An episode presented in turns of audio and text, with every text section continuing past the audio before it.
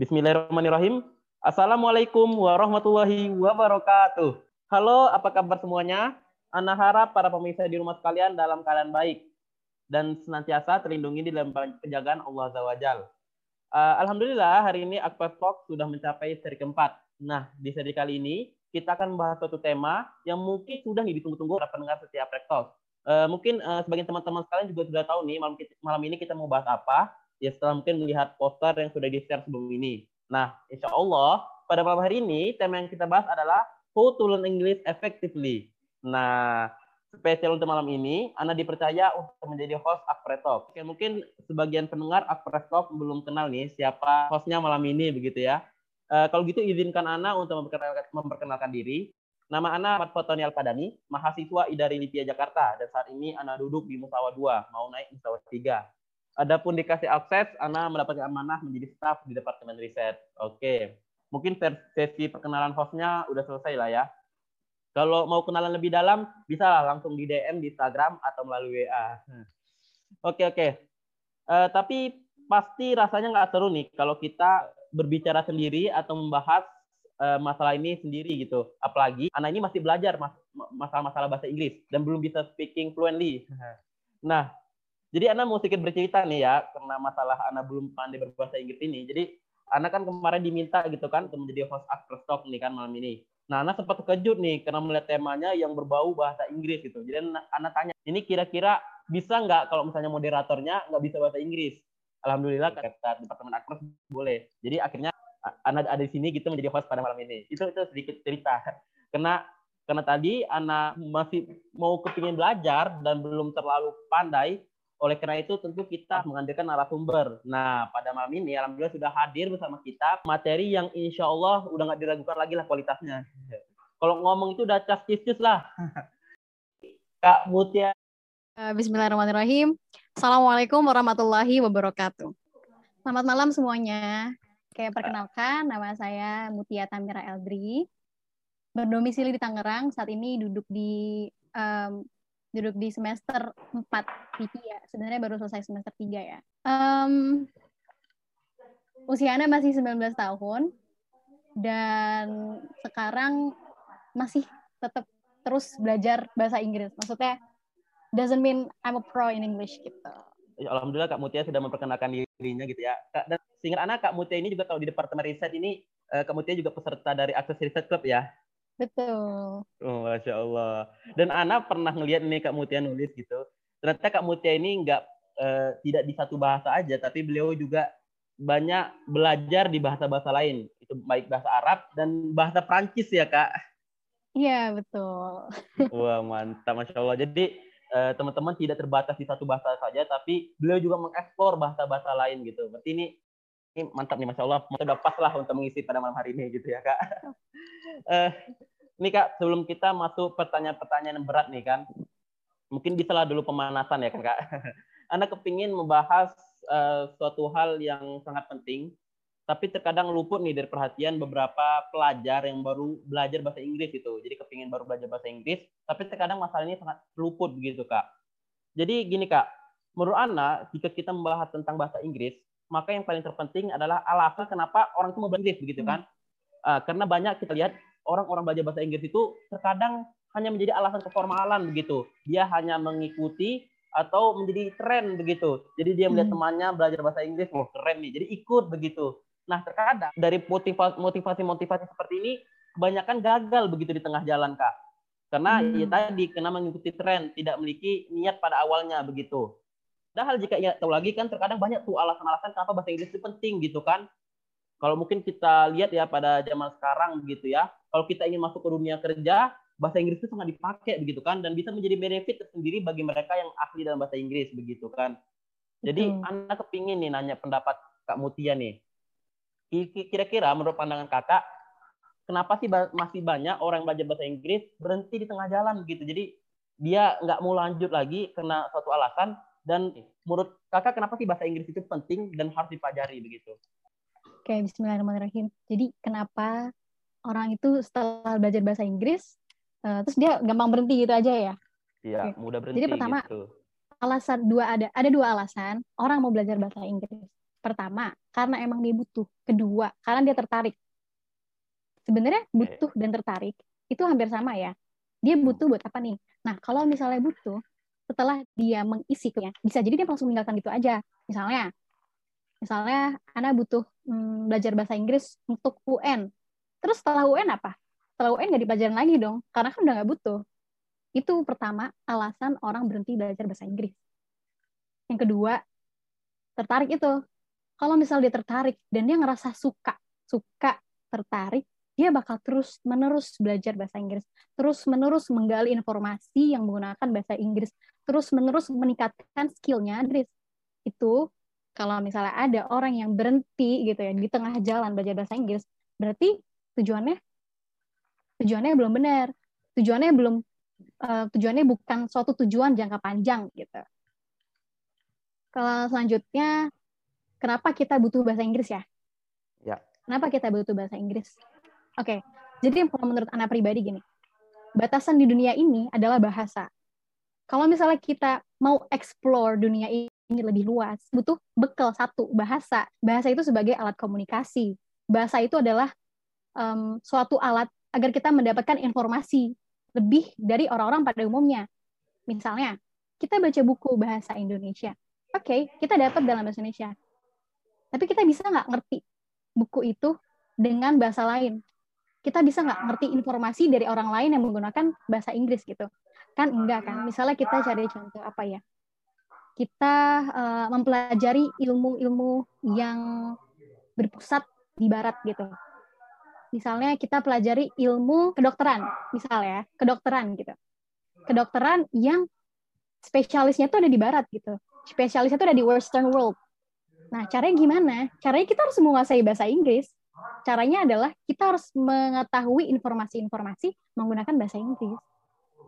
Itu kenapa bahasa Inggris itu penting. Jadi, batasan di dunia ini adalah bahasa. Kalau misalnya kita nggak menguasai bahasa, gimana caranya kita bisa explore? Oke, Anda catat nih, Kak. Jadi, paling nggak kesimpulannya begitu bahasa Inggris ini bisa menjadi pembuka, ya. membuka halaman yang lebih luas dari hanya halaman perkarangan rumah kita, begitu ya. Ya. Mantap, mantap, mantap. Dan sebenarnya bahasa Inggris ini sangat penting, apalagi bahasa Inggris ini sudah menjadi bahasa internasional ya. Jadi walaupun mungkin kita sudah mempelajari bahasa Arab atau udah ahli di bahasa Arab, tapi mungkin kita belum bisa berpuas diri begitu ya, karena ya sekali lagi bahkan di negara Arab sekalipun mereka sekarang sudah mulai menggunakan bahasa Inggris di dunia kerja mereka begitu ya. Dan banyak di kalau kita misalnya sebagai mahasiswa LIPI ya jika kita mungkin memiliki preferensi untuk kerja di Timur Tengah. Bahkan sekarang di negara-negara Timur Tengah, mereka juga sudah menggunakan bahasa Inggris sebagai bahasa keseharian mereka di dunia profesional gitu ya.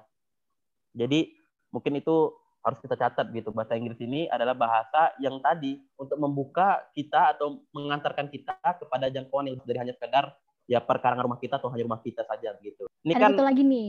Apa apa tuh apa Kita butuh bahasa Inggris. Kenapa? Sebagai orang muslim, kita tuh bisa mendakwahkan Islam gak hanya melalui bahasa Indonesia. Kita bisa explore, kita bisa menjelaskan sesuatu ke orang-orang yang bahkan belum percaya sama Islam menggunakan bahasa Inggris. Kita contoh aja deh, Dr. Zakir Naik gitu ya. Uh, ya. Contohnya aja, beliau menggunakan apa sih dalam berdakwah? Menggunakan bahasa Inggris. Kenapa? Karena bahasa Inggris itu bahasa universal. Dengan bahasa Inggris, semua dunia itu bisa memahami kita. Semua dunia itu bisa mengenal apa itu Islam, apa itu iman. Jadi hmm, kita betul, bisa meniatkan belajar bahasa Inggris itu untuk apa? Salah satunya untuk dakwah. Hmm, gitu. Betul betul. Bahkan dengan belajar bahasa Inggris jika kita niatkan dalam ibadah untuk berdakwah ini bisa membalikan lagi ganjaran pada kita gitu ya. Jadi bisa kita sekalian belajar, kita juga bisa menaikkan untuk ibadah gitu, masya iya, Allah. Benefitnya banyak banget kan. Banyak banget begitu ya. Nah, Anda lihat nih Kak Muti ini kalau masalah bahasa Inggris dan alasannya ini sudah sebenarnya sudah sudah kuat begitu ya, sudah mulai sudah punya sandaran kenapa kepingin bahasa, belajar bahasa Inggris nih. Tapi anak kepingin tahu lah nih, uh, Kak Mutia ini sejak kapan sih mulai tertarik belajar bahasa Inggris? Apakah memang dari sejak kecil itu sudah memang oleh orang tua, ayo belajar bahasa Inggris, atau mungkin baru-baru ini gitu, baru belajar bahasa Inggris begitu? Uh, Oke, okay. singkat cerita, Ana tuh dulu suka banget baca dari kecil ya, suka banget baca buku um, bertemakan princess gitu. Karena dulu hmm. orang tua juga ngasih buku-buku tentang princess gitu. Nah, anak mulai suka belajar bahasa Inggris. Nggak suka belajar bahasa Inggris, nggak suka belajar sih, tapi tertarik sama bahasa Inggris tuh sejak Ana diberikan buku bertemakan princess dengan bahasa Inggris. Jadi itu tuh membuat Ana terdorong gitu. Princess Aurora gitu. Princess Aurora itu kan yang mermaid itu loh, yang mermaid. Mermaid jadi manusia gitu kan, terus ketemu pangeran. Nah, rambutnya tuh warna apa sih? Merah. Oh, red. Merah itu red gitu. Tapi Ana nggak pernah mentranslate di kepala Ana. Ini rambutnya bukan ini rambutnya merah. Merah itu apa? Red. No. Ini rambutnya red. Terus musuhnya tuh rambutnya warnanya ungu. Dulu Ana bilang ini rambutnya purple gitu. Jadi Ana mulai tertarik belajar bahasa Inggris itu waktu kecil. Karena Ana pengen tahu informasi lebih luas di buku-buku gambar gitu. Jadi untuk orang tua orang tua nih kalau misalnya punya anak mau belajar bahasa, mau bikin anaknya itu menguasai suatu bidang gitu, dikasihnya dari kecil. Itu caranya. Terus hmm. makin lama, makin ke sini ngerasa, pakai bahasa Inggris tuh keren ya. Maksudnya kita tuh bisa menyampaikan sesuatu yang enakan tuh disampaikan pakai bahasa Inggris. Contohnya ya gitu pas marah itu tuh enakan pakai bahasa Inggris. Entah kenapa lebih keren dan lebih formal aja gitu rasanya. Bisa dong, bisa dong kasih contohnya kak. Karena mau denger nih marah marah keren pakai bahasa Inggris itu gimana? Iya, yeah, oke. Okay. Contohnya cuma kayak uh, simple sih kayak, dude, seriously, dude, seriously. Iya sih. What are you doing gitu? What's wrong with you? Itu kan lebih enak ya kayak, hmm, ya, lo ya. kenapa sih gitu? Cuma kalau hmm. ada ada bahasa yang nggak bisa diungkapkan pakai bahasa Indonesia jadi pakai bahasa Inggris tuh lebih enak gitu jadi tuh nah makin tertarik gitu loh Iya, Coba marah-marah pakai bahasa Inggris gitu. Jadi awalnya itu karena penasaran yang tadi karena buku itu dikasih, lanjut-lanjut, apakah Kak Mutia ini pernah nggak maksudnya kayak masuk ke tempat pembelajaran atau semacam les bahasa Inggris itu? Pernah nggak gitu Kak? Oke, okay, jadi Ana belum pernah masuk ke sekolah atau tempat les bahasa Inggris gitu ya. Tapi um, orang tua anak tuh mendukung banget sih dalam pembentukan bahasa gitu. Jadi orang tua anak juga uh, mendorong mendorong. Jadi maksudnya gini kebetulan mereka ini ngajar bahasa Inggris di rumah hmm. gitu. Buat apa buat kayak semacam apa ya uh, ngebuka gitu loh. Ih siapa aja nih yang mau belajar? Sini aja gitu jadi itu kayak private tapi buat apa dulu tuh waktu kecil buat nemenin anak belajar bahasa Inggris jadi anak tuh merasa punya temen nih buat belajar sama mama gitu. Hmm. Gak pernah sebelumnya. berarti berarti tua. orang orang tua kamu Tia juga memang sudah saya sudah lancar ya berbahasa Inggris begitu ya. Yep. Tapi sekarang nah. jadinya lancaran anak akhirnya. sudah ini ya. Uh, penilaiannya sudah berbeda ya karena anaknya yeah. sudah lebih bagus gitu bahasa Inggrisnya yeah. ya. Dulu itu kita dibenerin, sekarang kita yang benerin gitu.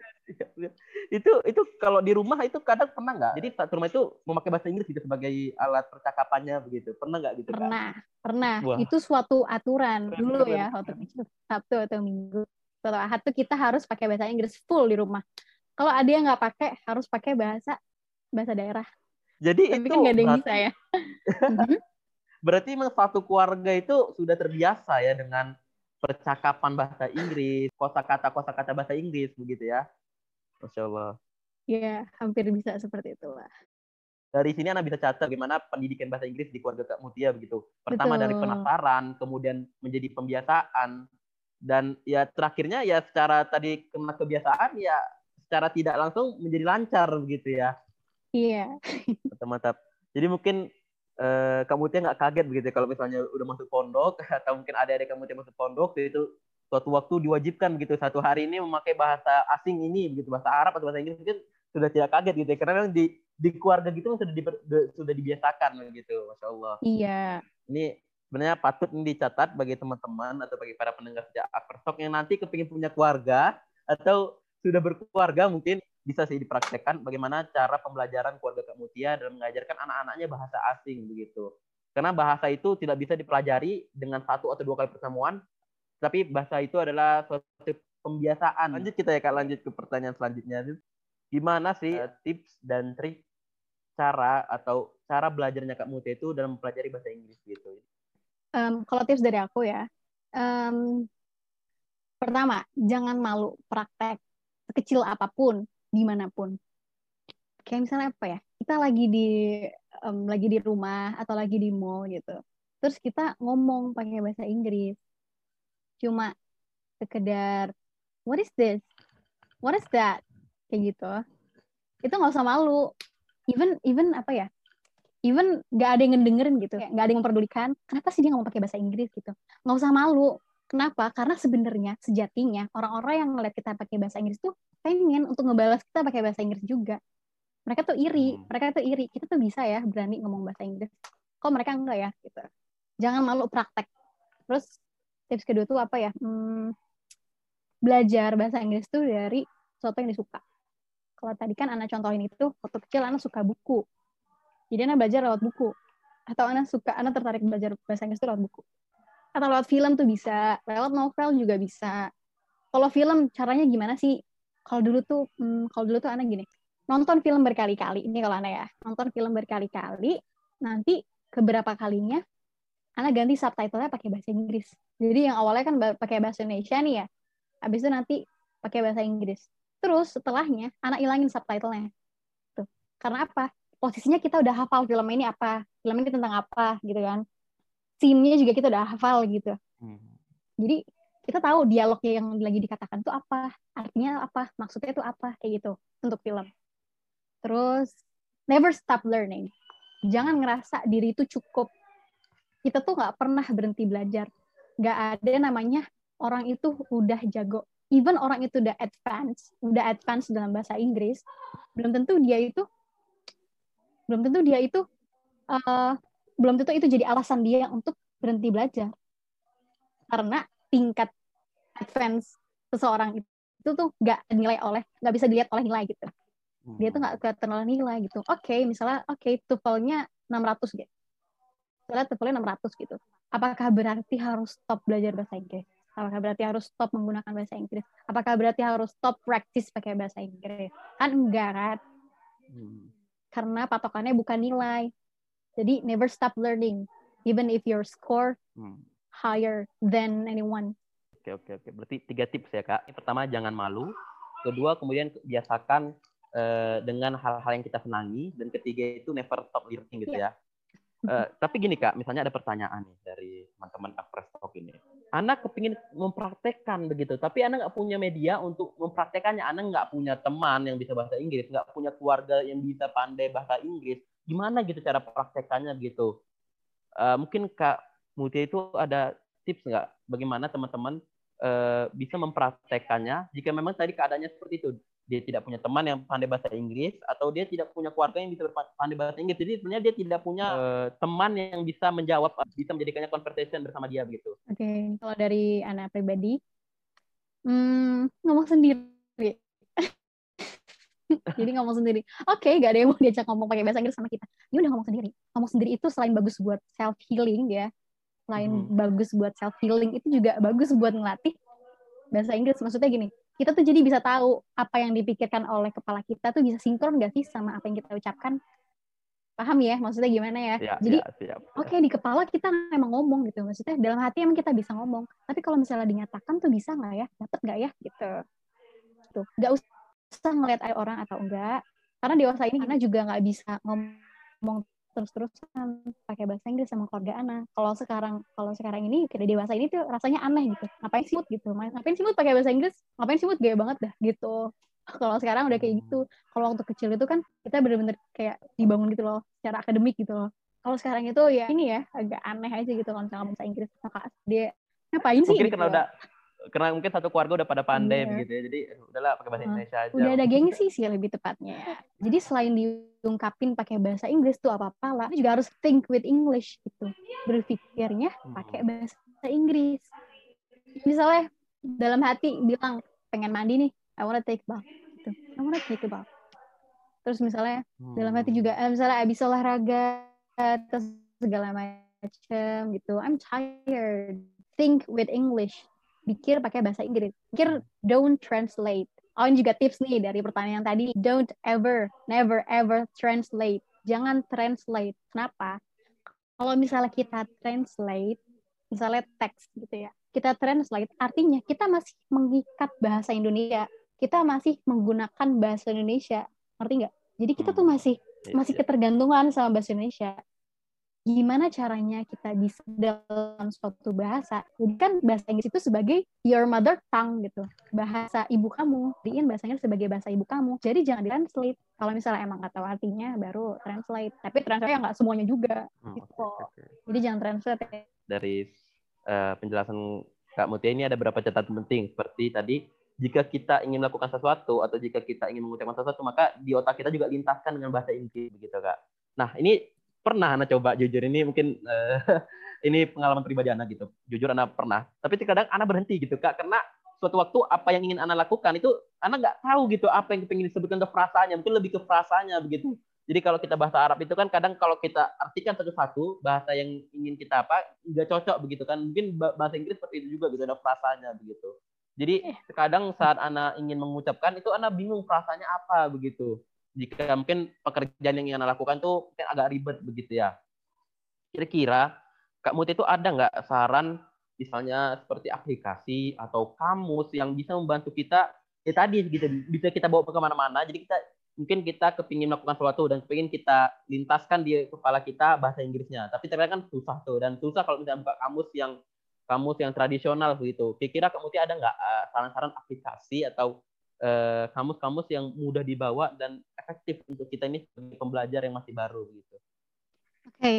untuk pembelajar yang masih baru ya, um, kalau untuk yang nggak baru sebenarnya gini, kita bisa menggunakan semua media yang tersedia kita di handphone kita kayak Google Translate ya, hmm. Google Translate yang sama itu yang biasa Ya. itu kita kita bisa manfaatin itu tergantung gimana cara makainya aja kayak misalnya nih hmm. kalau di Google Translate itu kan harus ada cara-cara tertentu misalnya um, kalau misalnya satu kalimat satu kalimat tapi kita kasih jarak gitu kita kasih space yang banyak itu tuh dia hmm. bisa ini loh dia tuh bisa artinya bisa beda gitu jadi Google Translate itu um, sebenarnya sebagai pegangan aja gimana hmm. caranya kalian bisa paham itu dengan tahu arti arti satu kata tersebut gitu. Jadi nggak bisa kita mengandalkan aplikasi translate atau buku atau kamus gitu ya. Kita nggak bisa mengandalkan itu.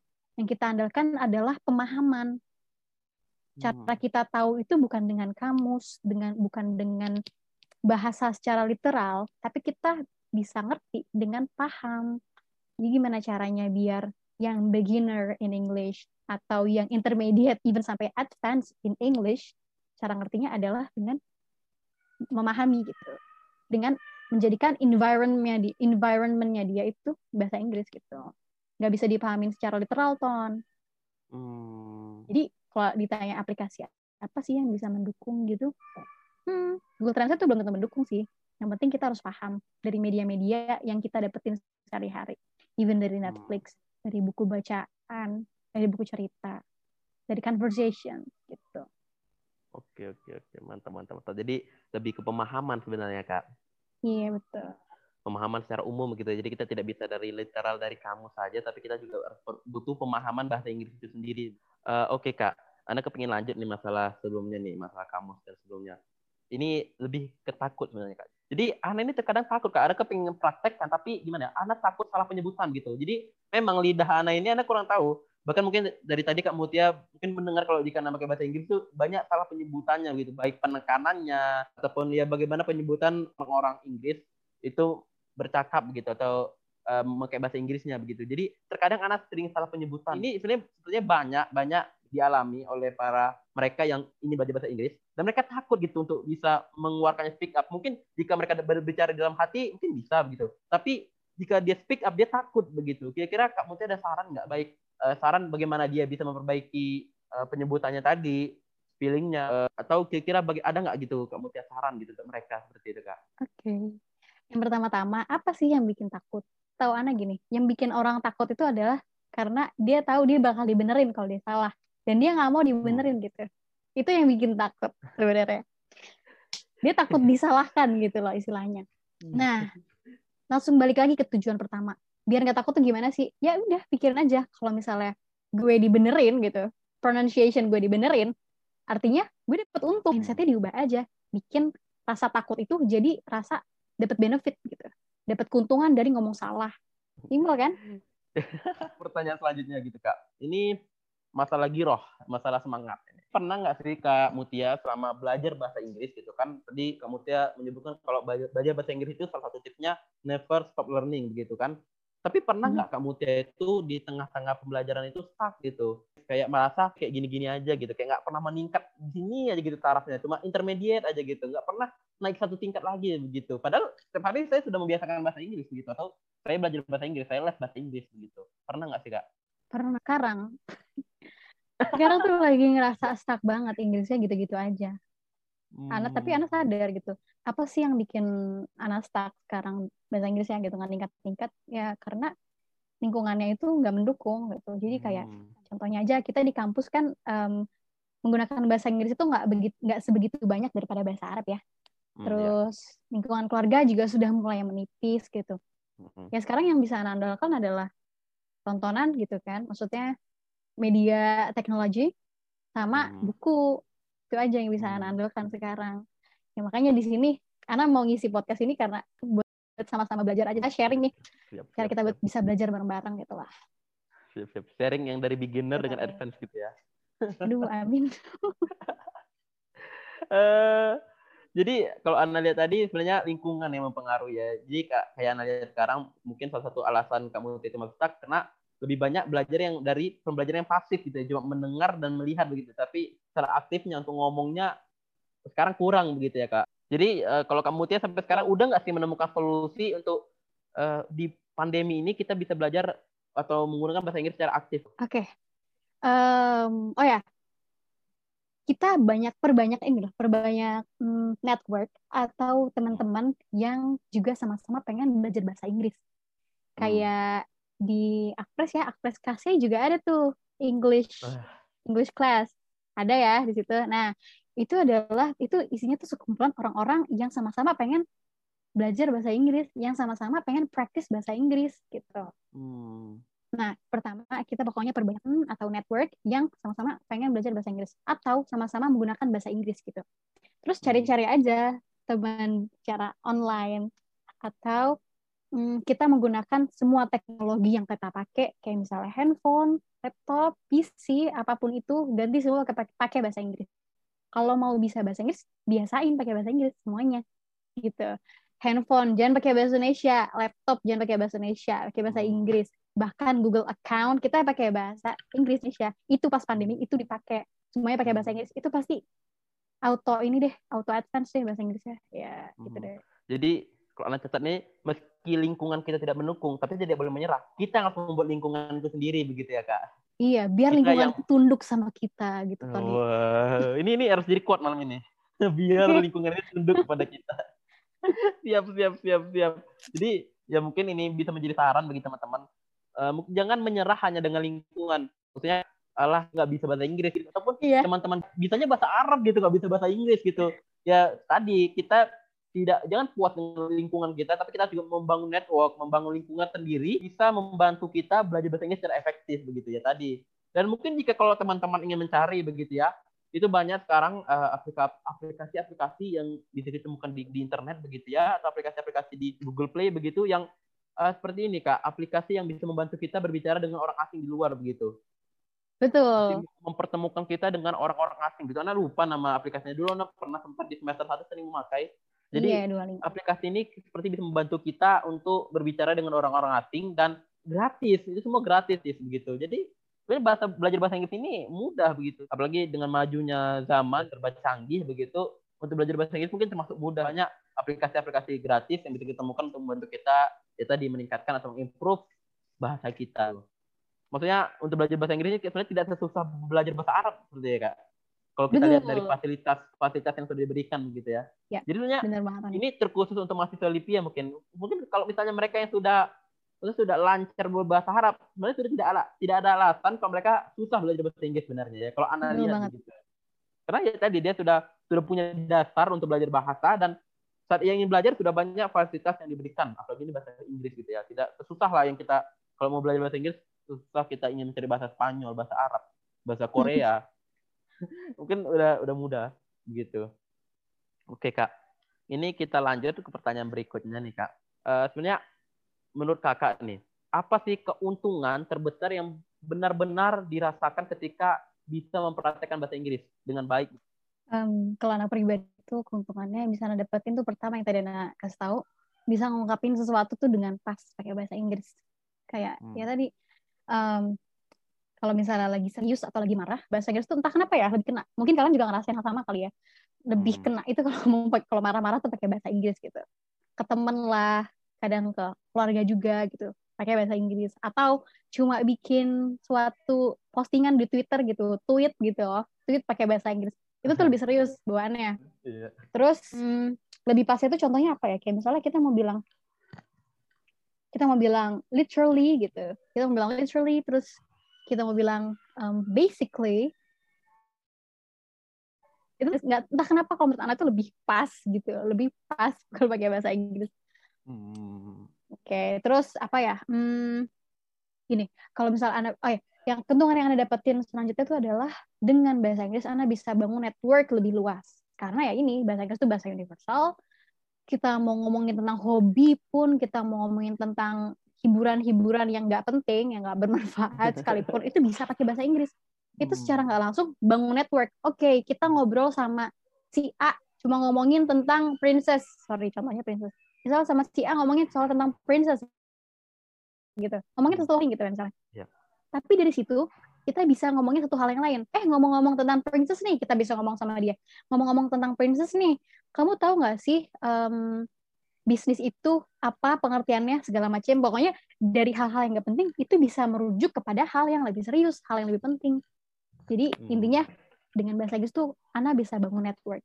Yang ketiga itu Ana bisa mendapatkan informasi lebih kayak gitu hmm. dari dari buku-buku yang mungkin cuma terbit bahasa Inggris atau buku-buku ilmiah gitu ya penelitian yang ya. diteliti oleh um, orang-orang Barat gitu atau orang-orang ya penelitian-penelitian yang pakai bahasa ya, Inggris ya, ya. itu lebih ya lebih banyak gitu lebih masuk apalagi kalau misalnya anak-anak sendiri gitu ya kak anak kan di departemen riset gitu ya jadi kebanyakan eh kerjaan itu nulis-nulis karya ilmiah dan ini memang terasa banget sama anak karena banyak karya-karya ilmiah yang bagus itu ya berbahasa Inggris. Mm -hmm. Jadi sebenarnya begitu orang peneliti itu dan begitu orang yang pengen menjadi dosen, sebenarnya sekarang ini sudah menjadi kewajiban begitu. Karena ya tadi seperti Kak Mutia jelaskan bahwa ya sumber-sumber pembelajaran yang bagus itu ya semuanya sudah di bahasa Inggris kan gitu. Atau semua sudah bahasa Inggris. Mungkin kalau ana analogikan ke kita yang Livia begitu, nggak nggak bisa tuh orang pembelajar pembelajar itu atau seorang penuntut ilmu itu tidak bisa bahasa Arab. Karena memang hadis dan nas-nas itu sudah berbahasa Arab gitu. Itu sudah menjadi hmm. kewajiban. Begitu juga mungkin dengan bahasa Inggris yang jika kita ingin mempelajari tentang ekonomi atau tentang sains itu ya wajib harus bisa berbahasa Inggris. Itu mungkin juga ya hmm. tadi itu bisa keuntungan terbesar mungkin kadang-kadang terkadang iri begitu lihat mereka yang yeah. yang sudah bisa berbahasa Inggris apalagi ini dalam tanda kutip sudah menguasai bahasa Inggris yang saintifik uh, hebat yeah, banget jadi gitu. dengan itu kita bisa mendampingi gitu loh. Jadi ya. sumber Tony dalam research itu nggak cuma sumber bahasa Indonesia gitu, bisa sumber ya, yang ya. bahasa Arab dan bahasa Inggris gitu. Ya, ya betul betul sekali sih. Jadi memang ini bisa dicatat oleh para pendengar setia. Kalau mungkin teman-teman sekalian masih muda nih ya, masih umur-umur yang mungkin ada mendengar di 15 tahun atau masih SMP SMA, ya saran Ana mulai dari sekarang gitu, ya praktekkan bahasa Inggris, belajarlah bahasa Inggris begitu. Jika memang lingkungan tidak mendukung, bola lingkungan gitu ya ikut les begitu atau kita di berkumpul teman-teman yang memang memiliki niat dan kepingin mempraktekkan bahasa Inggris. Ini pertanyaan terakhir, pertanyaan penutup kita pada sesi apresial malam ini gitu. Uh, menurut Kak Mutia nih, pandangan kakak gini, bagaimana apa yang kakak lihat dari orang-orang Indonesia yang kadang melafalkan bahasa Indonesia dicampur dengan bahasa Inggris begitu. Oke. Okay. Karena ini banyak kubu-kubunya kak. Oke. Okay. Jadi uh, oke, okay. ini ini sangat uh, tergambar jelas di Ana ya, karena Ana juga orang yang suka nyampur-nyampur. Jadi SD, SMP itu Ana anak ini banget, anak jaksel banget. Orang tua Ana juga orang tua jaksel banget gitu. Jadi yang ngajarin anak suka ngomong campur-campur itu sebenarnya orang tua gitu loh. Campur Inggris Indonesia. Nah, kalau menurut Ana gimana sih? Kalau misalnya dia mencampur bahasa Inggris itu untuk meningkatkan skill dia ya nggak masalah. Yang masalah itu ketika mm -hmm. dia dia ngomong kayak gitu, ngomong campur Inggris Indonesia dengan orang yang nggak ngerti. Jadi gini, hmm. kunci komunikasi itu kan untuk dipahami oleh orang lain. Kalau misalnya dia ya. nyampur Inggris Indonesia, tapi lawan bicaranya nggak paham, berarti tidak mencapai tujuan komunikasi gitu dengan benar. Jadi nggak apa-apa Iya. ngomong campur-campur kayak gitu, asalkan lawan bicaranya ngerti apa yang disampaikan tersampaikan. Gitu. Apa yang harus dipahami dipahami oleh si lawan bicara. mungkin anak catat juga sih itu kadang memang banyak kita lihat gitu ya ya anak bukan menyudutkan gitu tapi anak-anak kota yang terkadang ya mungkin dari Jaksel tadi mungkin ia ke desa atau dia tahu kalau misalnya orang yang ia ajak bicara itu tidak pandai berbahasa Inggris tapi sekali lagi karena bahasa Inggris itu sebagai keren-kerenan maka itu tadi kadang suka dicampur gitu kadang ini juga eh, di beberapa lapisan masyarakat ini menunjukkan eksistensi atau kasta kasta dia gitu Yang mungkin itu yang ya yang menjadikan eh, banyak orang tidak setuju begitu dengan ya pencampuran bahasa Inggris dan bahasa Hmm. Indonesia dan itu memang perbedaan yang Pada banyak dasarnya, gitu. jadi pada dasarnya mereka itu lagi sama-sama belajar juga sih. Gitu. Jadi Iya. mereka berusaha Oke. Berusaha untuk nggak malu ngungkapin sesuatu pakai bahasa Inggris Hmm. kali ya. Gitu. Terus Ya. Sa- Sebenarnya sama juga kita dulu kayak di pondok begitu. Kalau kita mau belajar bahasa Arab ya nggak apa-apa. Kalau di kelas satu atau tingkatan pertama, tingkatan kedua boleh gitu. Maksudnya bahasa Arab itu masih dicampur-campur dengan bahasa Indonesia gitu. Tapi kalau sudah masuk tingkatan tiga dan seterusnya, berwajib ber. Jadi sekali lagi itu bisa Oh, menjadi pelajaran gitu. Oke oke kak. Sebenarnya pertanyaannya udah selesai. Tapi Anda diberikan game gitu. Jadi gamenya judul pilih mana begitu. Jadi Kak Mutia disuruh memilih di antara pilihan-pilihan yang diberikan. Jadi ya ini bisa lah, cepat ya kak cepat. Jadi biar kelihatan gitu. Oke. Pertama nih, nih ya games pilih mana? Pertama, buat improve reading skill, lebih milih bacaan berita, jurnal berat atau yang ringan seperti novel. Berita. Berita. Yep. Oke. Kedua, lebih milih American accent atau British accent. British accent. Aku prefer British. Ketiga, kalau nonton film pakai English subtitle atau tidak pakai sama sekali. Pakai English subtitle. Sebenarnya cuma tadi itu tiga pertanyaan saja kak. Ini Oke. cuma pelengkap.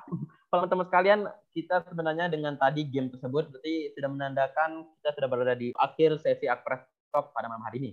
Alhamdulillah, sebelum Anda menutup, closing statement lah begitu Kak, untuk ya dipersembahkan para para pendengar semua begitu. Ya untuk tadi bagaimana di iya agar bisa meningkatkan bahasa Inggrisnya begitu. Oke, never stop learning. Karena kita nggak pernah tahu batas kita di mana. Itu aja Mas. Singkat Ya. tapi padat ya. Ya sekali lagi seluruh yang kita pelajari itu never stop learning begitu. Apa pun dalam bidang pelajarannya begitu. Dan bahasa Inggris ini salah satunya dan yang terpenting begitu. Karena ya, sekali lagi kita ini bukan orang native berbicara bahasa Inggris. Tentu sebagai orang yang tidak native banyak keterbatasan keterbatasan keterbatasan yang kita terima begitu dan tentu salah satu cara untuk bisa menambal keterbatasan itu ya tadi never stop learning gitu. Masih banyak hal di luar sana yang bisa kita pelajari yang bisa kita ambil begitu mungkin eh, sudah banyak catatan-catatan teman-teman dari hari ini yang kita pelajari bersama Kak Mutia lagi kita sama-sama belajar begitu dan ini penting dan sangat penting bagi teman-teman. Pertama baik itu dalam masalah nanti pekerjaan teman-teman dan itu dan dakwah begitu ya. Karena sekali lagi dengan zaman serba canggih sudah tidak ada keterbatasan di antara kita. Tetapi terkadang yang menjadi terbatasan itu adalah bahasa begitu. Adapun aplikasi dan semacamnya sudah sangat mudah begitu dari YouTube kita bisa membuat suatu konten dan itu bisa ditonton oleh uh, orang-orang yang berada di seberang benua. Tetapi ya sekali lagi kita harus bisa menguasai bahasa dan yang terpenting bahasa internasional adalah bahasa Inggris.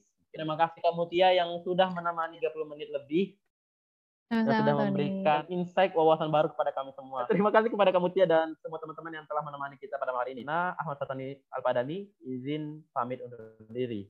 Wassalamualaikum warahmatullahi wabarakatuh.